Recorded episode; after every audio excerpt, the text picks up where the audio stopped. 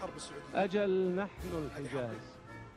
ونحن نجد ولا أريد هنا مجد لنا وهنا صار في العالم مع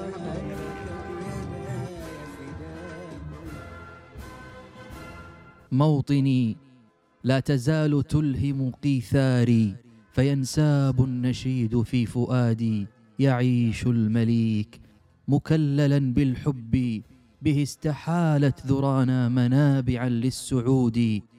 جرت الأرض أنهرا من خضار نطقت وردا انبر النور المؤثل من علاها هتف المجد مجدا لبنيك العز والعلا والخلود.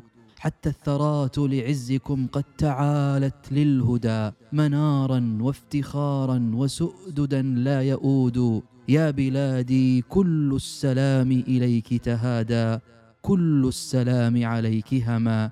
يا بلادي من نداك قد رويت الكون ريا مفعما. فلتقيمي في سماء القلب حبا قد سما. ولنغني في رباك لحن فخر معلنا. يا بلادي سارعي للمجد والعليا بنا. سارعي للمجد والعلياء مجدي لخالق السماء. وارفع الخفاق أخضر. العلم يحمل النور المسطر. لا إله إلا الله محمد رسول الله. رددي الله أكبر. يا موطني. موطني ممكن تقول وطني وموطني يعني تقول يا وطني ويا موطني كله سام يا موطني. عشت فخر المسلمين عاش الملك للعلم والوطن. السلام عليكم ورحمة الله وبركاته أيها الأحباب. في أي مكان كنتم وكيفما كنتم؟ أحييكم أنا رشاد حسن من مذياع أو في هذه الحلقة الوطنية الخاصة بين العلا والمجد في النشيد الوطني وأبارك لنفسي ولكم هذه المناسبة الوطنية الكريمة لعامها الواحد والتسعين والله نسأل أن يديم علينا البركات ويجعل وطننا وولاة أمرنا والشعب السعودي دائما على المسرات والأفراح. سلامنا الملكي حكاية بين العلا والمجد.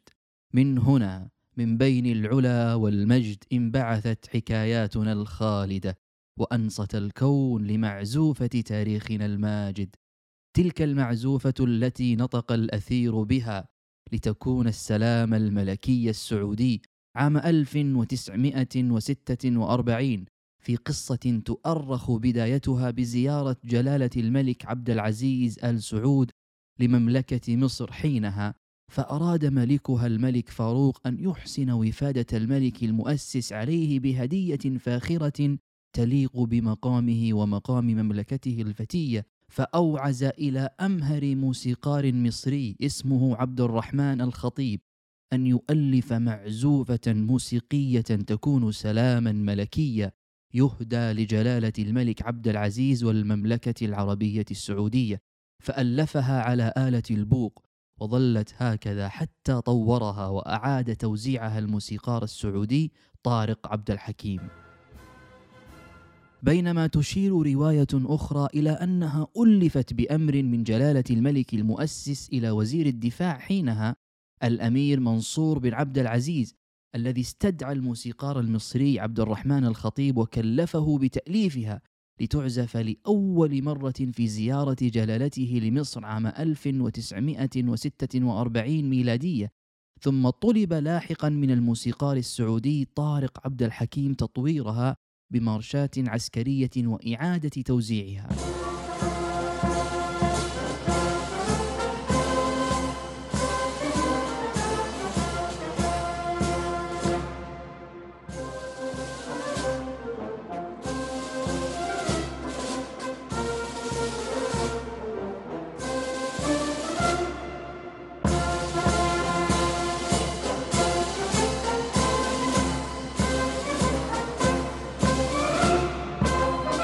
وهكذا ظل السلام الملكي السعودي معزوفة موسيقية تصدح مجردة من الكلمات حتى عام 1953 ميلادية إذ كتب شاعر الطائف محمد طلعت قصيدة إثر زيارة جلالة الملك سعود للطائف فاستقبل بها وأهديت إليه.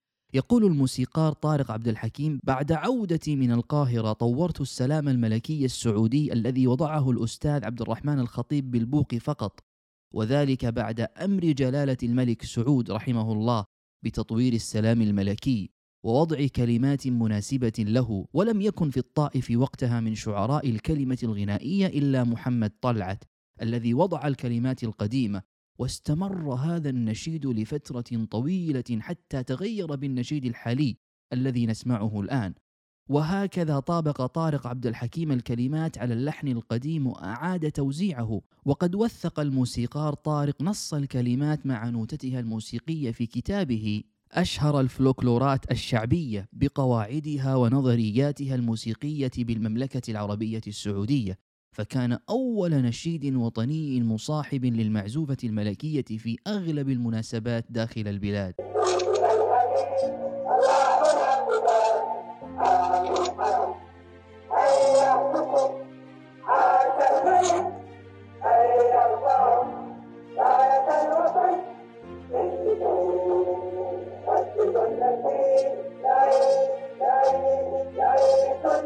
إلا أنه ظل نشيدا غير رسمي للبلاد واقترن بمعزوفة السلام الملكي فترة من الزمن ثم عاد السلام الملكي معزوفة مجردة من الكلمات حتى جاء عهد جلالة الملك خالد فكانت زيارته للجمهورية المصرية باستقبال الرئيس أنور السادات الذي استقبله بعزف السلام الملكي السعودي ثم عزف على إثره السلام الجمهوري المصري إلا أنه كان مقترنا بكلمات تردد معه.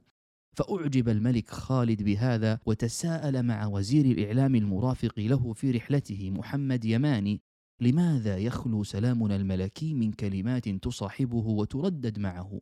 فاتصل الوزير مباشرة بكبار الشعراء السعوديين يطلب منهم كتابة كلمات تصاحب السلام الملكي بقيد وشرط مهم وهو أن تؤلف الكلمات بناء على اللحن حتى لا يغير شيء في المعزوفة.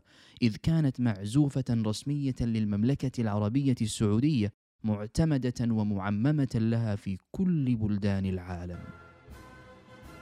ولهذا القيد الجوهري اقترح كل من الشاعر الأمير عبد الله الفيصل والشاعر حسين سرحان على الوزير محمد يماني أن أجدر شاعر للقيام بهذا هو الشاعر إبراهيم خفاجي فهو شاعر غنائي في الأصل ومتشبع بالموسيقى مرهف متجاوبة روحه مع النغم. فاتصل بالشاعر إبراهيم خفاجي فورا وأوكل إليه شرف القيام بهذه المهمة. واشترط عليه أن يكتبها موافقة للمعزوفة وموافقة لسياسة الدولة الدينية وقيمها وأن تخلو من اسم الملك فاستغرق في إنجازها ستة أشهر ثم قدمها واعتمد ما كتبه دون تغيير أو تعديل بكلماتها الخالدة. ثم ساهم في توزيعها وتلحينها الموسيقار طارق عبد الحكيم والموسيقار سراج عمر بيد أنه لم يخرج للأثير مباشرة لوفاة جلالة الملك خالد. إلا أن الملك فهد أصر على تحقيق رغبة أخيه حيث طلب من وزير الإعلام آنذاك علي الشاعر أن يسمعه إياه في صورته النهائية. فتم ذلك وخرج النشيد الوطني السعودي الرسمي للأثير عام 1984 ميلادية في عيد الفطر المبارك وعمم نشيدا رسميا للبلاد لدى كل البلدان. سارعين المجد والعليا مجدي لخالق السماء. وارفع الخفاق أخضر يحمل النور المسطر. رددي الله أكبر يا موطني موطني. قد عشت فخر المسلمين عاش الملك للعلم والوطن. وبين النشيد الوطني ونشيد الملك يخلط كثير من الناس وعليه الأمر يلتبس. بل حتى على كثير من الصفحات والمواقع فيعتقدون أن الأناشيد الملكية التي ذاعت وانتشرت هي أناشيد وطنية رسمية في مرحلة من مراحل تطورها بيد أن الفرق بينهما جوهري. فنشيد الملك هو نشيد خاص بالملك الحاكم في تلك الفترة الزمنية ينشد في كل المراسم الخاصة في فترة حكمه والمقامة في حضرته فقط. ولا يردده الناس بينهم في غيابه ومنها نشيد الملك سعود الذي كتبه فؤاد شاكر ولحنه عبد الحليم نويرة. سلام سلام سلام الملك. نحييه في سرنا والعلن. سلام سعود الملك الذي زهى العبد في عصره والوطن.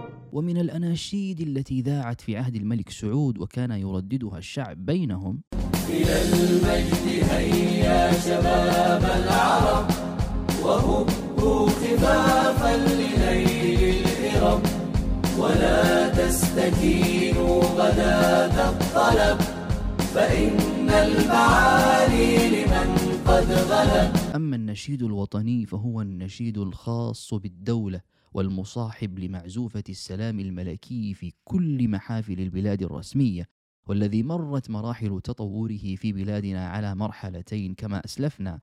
الأولى عام 1953 ميلادية في عهد الملك سعود من كلمات الشاعر محمد طلعت وقد اقترن بالسلام الملكي مدة ثم ترك.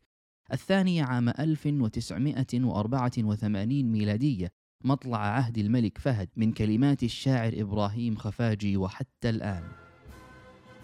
والنشيد الوطني السعودي يتراوح بين أصالة الدلالة والعمق الفني والمتأمل في نشيدنا الوطني يجد أن الشاعر برع في استهلاله إذ ذخر كل معاني القصيدة في مفتاحها ومستهلها في شطرها الأول سارعي للمجد والعلياء.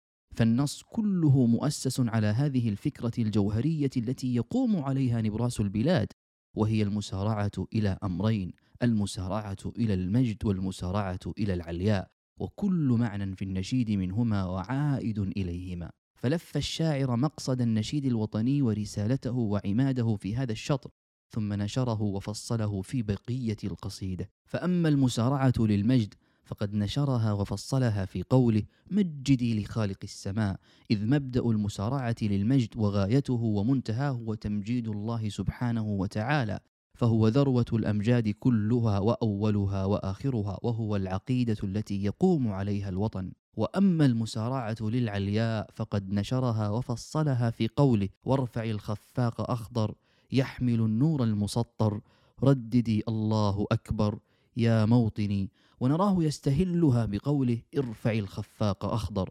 فكيف يطلب رفعة العلم؟ ومعلوم أن العلم السعودي هو العلم الوحيد الذي يرفع مطلقا ولا ينكس أبدا لحمله كلمة التوحيد. فماذا يقصد الشاعر بذلك؟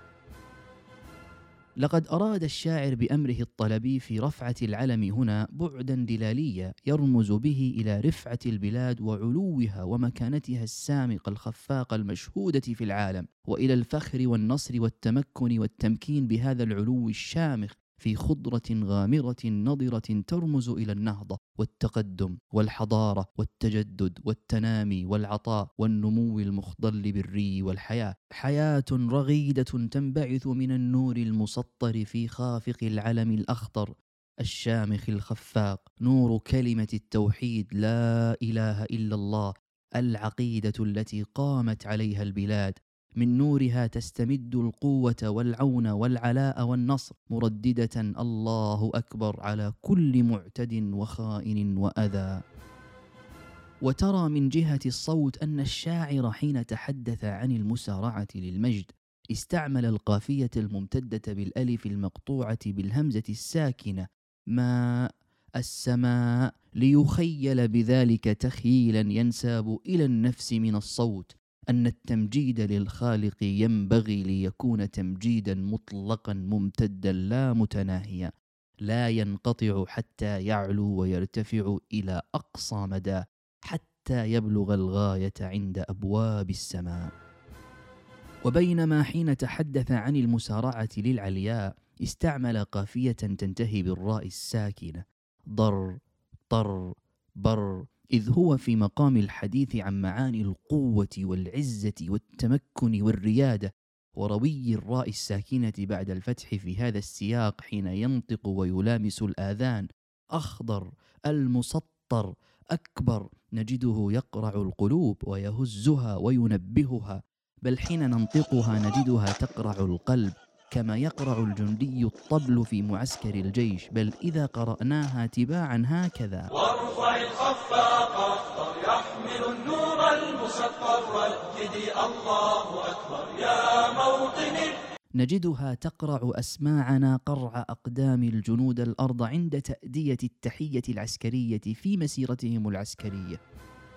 وذلك يتأتى من صفة الراء فصفة الراء التكرار وحين سكونها ترتج وتبرز الصفة قوية مع قرع حاد يشعر بالتعدد والكثرة في القافية. ومع توالي قوافي الكلمات على ذات الروي تشعر وكأن جيشا مكتظا يطالعك بمشيته العسكرية خلف الكلمات. وفي هذه الدلالة الصوتية ما يشير إلى معنى المقاومة في حماية البلاد والذود عن حياضه وإرهاب العدو. ثم يختم هذا المقطع بمناداته الوطن يا موطني وفي استعماله أسلوب النداء هنا في حديثه مع الوطن اتساق وانسجام مع دلالة العلياء إذ فيه دلالة على بعد المكانة للوطن الذي يشمخ عاليا رفيعا وهو يناديه بكل فخر وشموخ واعتداد ملء أسماع الروح والكون يا موطني ثم ينتقل إلى معنى آخر في دائرة حديثه عن فكرة المسارعة إلى العلياء وهو معنى يقوم على محورية قداسة هذه البلاد مكانا ومكانة في نفوس المسلمين ففخرها فخرهم ومجدها مجد لهم إذ هي مهوى القداسات ومهد النبوة. موطني عشت فخر المسلمين فيستهله بقوله موطني خالية من النداء. في دلالة على الاقتراب الروحي والامتزاج النفسي إذ هو في مقام الدعاء هنا الذي يستلزم حضور القلب واجتماع النفس فاجتمعت روح الشاعر بالوطن المخاطب في سياق الحديث عن اجتماع المسلمين واتحادهم في حبه والولاء له فهو اقتراب في امتزاج في اتحاد ثم هو يدعو بديمومة ذلك له كما كان وسيكون بإرادة المولى وقدرته. ثم ينتقل إلى المعنى الثالث والأصيل في فكرة المسارعة إلى العلياء والماثل في الولاء للمليك والبيعة الدائمة له وإجلاله قائدا لمسيرة العلياء ورائدا لها وملكا للقلوب والبلاد بتمجيده والدعاء له عاش الملك للعلم والوطن. فهو يدعو بأن يعيش المليك ويحيا ففي حياته الحياة وفيها القوة والمنعة والرفعة والمكانة والعزة للبلاد التي يرتفع علمها شامخا خفاقا. وفي حياة المليك حياة للأرض والوطن والمواطنين الذين يلتمسون منه بعد الله الأمان والاستقرار والرخاء. وبذلك يكتمل نشيدنا الوطني في مجموعة رائعة من المعاني. المسارعة للمجد والمسارعة للعلياء. فأما المسارعة للمجد فهي تبدأ من تمجيد الخالق وتنتهي إليه. فهو الغاية ومنتهى الأمجاد وذروتها. وأما المسارعة للعلياء ففيها صور عديدة من المعاني. فالمعنى الأول يتمثل في الانتماء والقوة والتمكن والنهضة وإرهاب العدو والذود عن حياض الوطن والانطلاق من قوة العقيدة التي تقوم عليها البلاد. وأما المعنى الثاني فيتمثل في القيمة الروحية للبلاد في نفوس المسلمين قداسة ومكانة ومكانه وأما المعنى الثالث فهو معنى من المعاني الأصيلة يتجلى في المبايعة المطلقة الدائمة للملك القائد لمسيرة العلياء والولاء الراسخ له والدعاء له فحياته حياة للبلاد والعباد. ولا ريب أن لهذه المعاني الزاخرة في النشيد الوطني أثرها البليغ في صناعة الهوية الوطنية وتغذيتها في الجيل الناشئ. الذي يصدح مترنما بها في رياض العلم ودوحاته كل صباح لتجري هذه المعاني العميقة ويتجدد جريانها في أوردة أرواحهم وهم في طريقهم يعتلون العمر يوما بعد يوم ليكونوا جيل الغد الصاعد حبا وولاء. ويسهم النشيد الوطني في صناعة هويتهم الوطنيه من جهات عديدة من جهة تتجلى في الإشادة بمنهاج الدولة القائم على شريعة الإسلام والمحافظة عليها والذود عنها وعن الحرمين الشريفين واللغة العربية فهي قبلة للمسلمين ومهواهم الروحي. ومن جهة تتجلى في جمع الدولة في منهاجها بين الأصالة والمعاصرة والحفاظ على العلم والتعليم ومن جهة تتجلى في الشعور والعاطفة بما تذخره كلماته من مشاعر الحب والانتماء والولاء والفخر والعزة والعلاء. ومن جهة تتجلى في إحساس السعودي بمسؤوليته تجاه وطنه والذود عن حياضه وافتدائه بالنفس والمال. وحين ننظر في أصول هذه المعاني التي يقوم عليها النشيد الوطني نجدها صعودا من آخر القصيدة إلى أولها تتمثل كذلك في معان عديدة. المعنى الأول في توحيد البلاد عاش الملك للعلم والوطن. والمعنى الثاني في المقدسات موطني عشت فخر المسلمين. والمعنى الثالث في الرفعة والتمكين والنهضة والرخاء والأمن والقوة والانتماء والدفاع عن البلاد. واستمداد القوة من العقيدة وارفع الخفاق أخضر يحمل النور المسطر. رددي الله أكبر. والمعنى الرابع في العقيدة التي تأسست عليها البلاد وقامت مجدي لخالق السماء.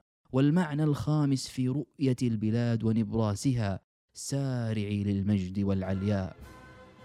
وعند قراءة الشعر السعودي الوطني اليوم نجده لا يخرج عن هذه المعاني التي جمعها وأصل لها نشيدنا الوطني فهي معان وطنية اختص بها الشعر الوطني السعودي عن غيره. فالحديث هنا عن توحيد البلاد وأثر ذلك وتأثيره والتأثر به والحديث عن المقدسات والحرمين الشريفين والحديث عن الانتماء للبلاد على هذه الخصوصية في الأرض والقيمة والافتخار بها. والحديث كذلك عن الذود عنها وعن أرضها الحاضنة للمقدسات. واقتران كل ذلك بالنهضة والأمان على هذا الوجه المخصوص. هي خصوصيات معنوية امتاز بها الشعر الوطني السعودي وانفرد بها عن غيره. وبذلك يكون النشيد الوطني السعودي هو الأصل المعنوي الذي تتناسل منه وتتغازر كل القصائد الوطنية في الأدب السعودي المعاصر. وهذا هو ما سنبينه في سلسلة ترنيماتنا القادمة على مذياع أو وحديث ماتع إن شاء الله عن اتصال الشعر الوطني في أدبنا السعودي بالنشيد الوطني. فكونوا بالقرب أيها الأحباب. وكل عام وأنتم والأحباب والوطن الكريم في خير ونعمة ومسرة. أجل نحن الحجاز ونحن نجد هنا مجد لنا وهنا العالم وهنا